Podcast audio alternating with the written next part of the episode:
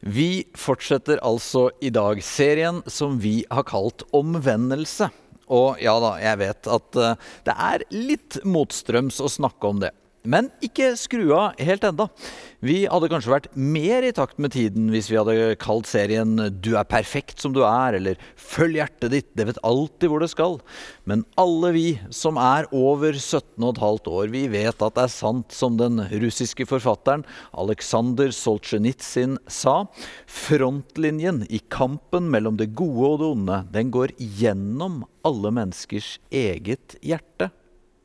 For uh, mennesker er jo ekstremt sjeldent helt onde eller helt gode. I virkeligheten så kjenner vi kampen i oss selv. Det er noe som vokser, får større plass i oss, og det er noe som minker og blir mindre i oss. Og denne seriens håpefulle utgangspunkt, omvendelse, det å snu seg, det kan peke tilbake til den deiligste av alle søndagsmorgener. I solskinnet i en hage så var det en dame som gikk og gråt. Hun lette etter liket av vennen sin som hadde blitt drept. Han som hadde nådd inn til henne da hun hadde vært på et så mørkt sted i livet sitt, og gitt henne håp da hun for lengst hadde sluttet å tro på noen fremtid selv. Men denne morgenen så var altså håpet drept, og hun visste ikke engang hvor liket var lagt. Hun hørte en gartner eller noe bak seg, og uten å snu seg spurte hun om han visste hvor kroppen var lagt. Hun stivnet til da hun hørte stemmen, for den varmen kjente hun igjen. Maria, sa Jesus. Da snudde hun seg og sa til han på hebraisk, rabuni. Det betyr mester. Maria hun snudde seg fordi hun gjenkjente Jesus som sa navnet hennes. Det var altså ikke å snu seg i frykt eller i skam, men å snu seg mot Han som er lyset, godheten, kjærligheten. Og sånn kan vi tenke om denne serien gudstjenester. At vi med Maria i glede snur oss mot Jesus Kristus. Forrige søndag snakket kollega Daniel om enklere. I dag er målet for vår omvendelse det deilige ordet mildere. Jeg vil eh, kort først forsøke å svare på hva som er problemet vårt. Så skal vi se på hvorfor vi har dette problemet, spesielt i vår tid, som vi allerede har snakket om. Og så til slutt skal vi se på hvordan vi i praksis kan snu oss i livet, sånn at vi blir mildere. Så først, ganske kort, hva er problemet? Problemet er jo opplevelsen av noe hardt i oss og mellom oss. I det store bildet så kan vi se på, som vi har snakket om, polariseringen av den eh, politiske debatten i flere europeiske land, og altså USA. Vi kan gå litt nærmere og se den harde tonen i en del offentlige debatter i Norge, om alt fra ulv til rasisme, vindmøller, kjønn osv. Men vi ser det også helt nært i våre egne sosiale mediekanaler og middagsbord. Det kan være en så ubarmhjertig og skarp tone når vi ikke evner å se en sak fra vår neste synsvinkel, og derfor avskriver andre som dumme eller slemme, dypest sett en mangel på medfølelse og empati. I stedet blir det sinne, nedlatenhet, krenkethet og hardhet. Men jeg personlig trenger jo verken å se til USA, til offentlige debatter eller kommentarfelt. Jeg trenger bare å se på meg selv. Og alle ganger jeg har såret og sårer andre med min mangel på mildhet.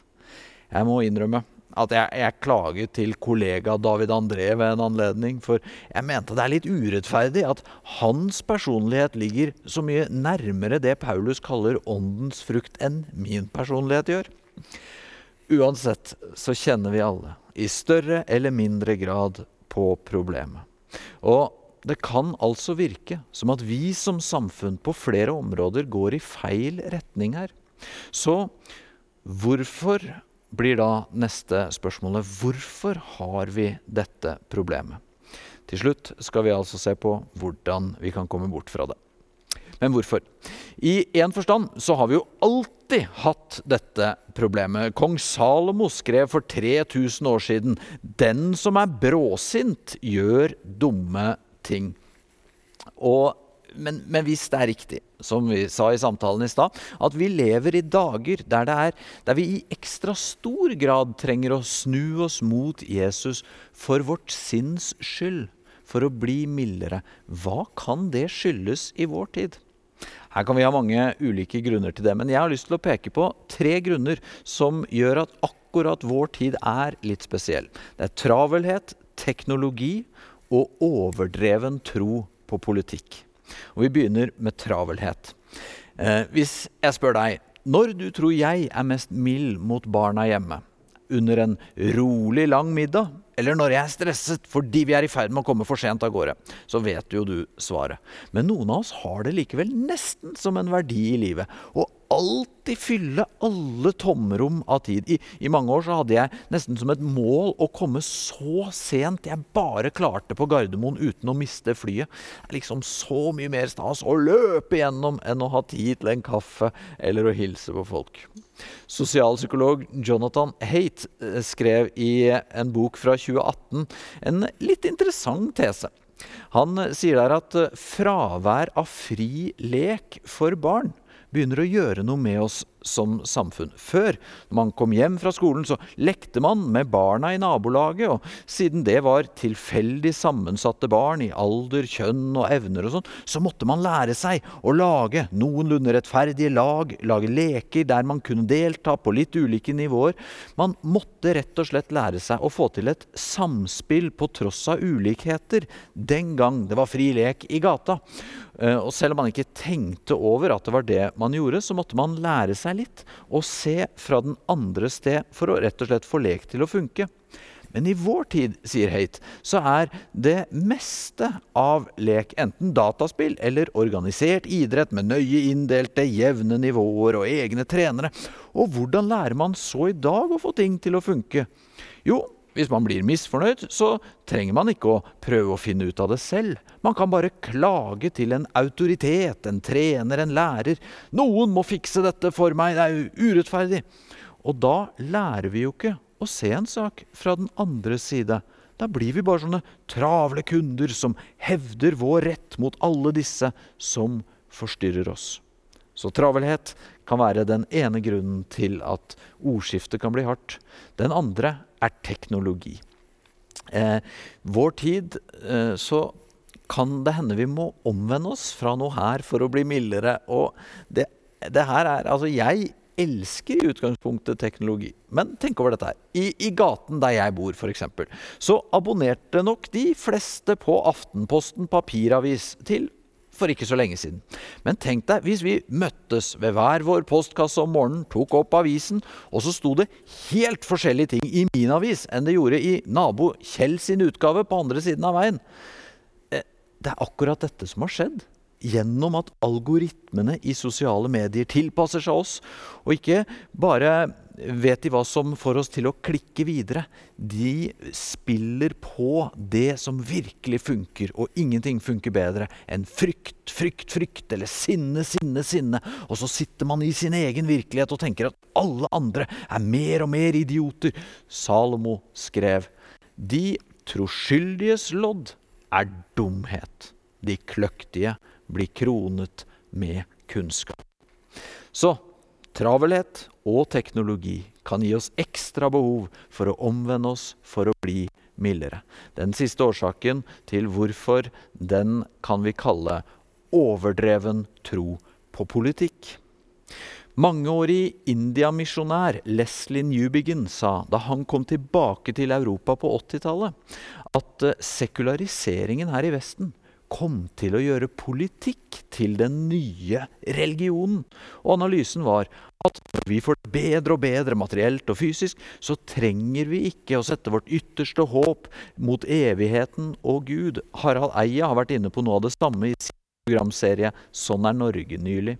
Og altså, hvis vårt håp bare er her og og vi ikke lenger snur oss mot Gud, da blir det jo politikerne da, både problemet hvis ting ikke er bra, og de vi setter vår lit til at skal redde oss. Hvis vi bare får riktige politikere, så vil det gå bra med oss.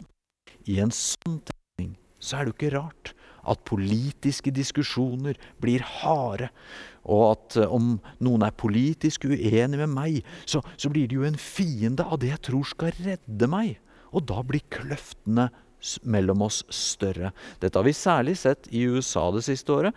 Men nå som vi skal inn i valgkamp i Norge denne høsten, så blir det min oppfordring la oss prøve å se at, at de vi er politisk uenige med, at de også mener det godt. Og til deg som er kristen, ikke tro at du blir reddet til slutt av en politiker eller et politisk system. Sett din lit til Gud. Da blir det litt mindre i den potten, og kanskje blir da tonen ikke så hard.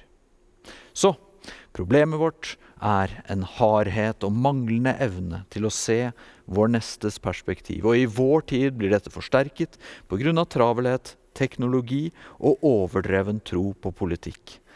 Da kommer vi til det mer praktiske og det siste punktet. Hvordan kan vi omvende oss så vi blir mildere? Hvordan kan vi snu oss inni oss? La meg begynne med å si det vi pleier å si her i kirken. At uh, det vi kan kalle resultater i det å forsøke å følge Jesus i livet, de kommer oftest ikke som en quick fix. Det kommer mer som det Bibelen kaller frukt. Altså noe som gradvis eh, oppstår i oss. En, en gradvis resultat av en varig kurs i livet. Og som vi også sier alltid, frukten er ikke det som gjør oss kristne. Det er motsatt.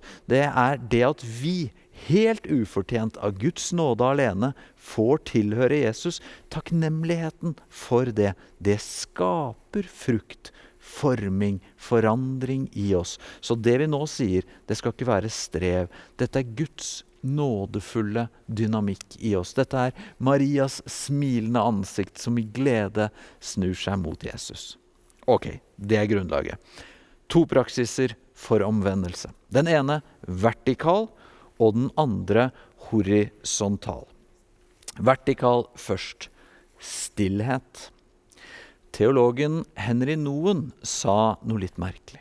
Han sa at medfølelse det er en frukt av stillhet. De såkalte ørkenfedrene var kristne i det andre og tredje århundre, som dro ut fra byene sine til ørkenen for å søke Gud i stillhet. Og de koblet stillhet og bønn med medfølelse for andre mennesker. Altså ved å stenge bråk og stress ute og se på Gud, så blir vi samtidig mer medfølende overfor andre. Dette er jo, Vi kan tenke det som et helt fysisk ting. I lys av en tid med travelhet, teknologi og overdreven tro på politikk, så kan nervesystemet vårt komme mer i vater av å få være stille. Men dette er mye mer enn bare fysisk. For hvis vi blir stille og ser på hvem Gud er, så kan jo ikke vi komme forbi den mest fremtredende egenskapen hos Gud gjennom hele Bibelen. F.eks. her med Moses. Herren gikk forbi han og ropte.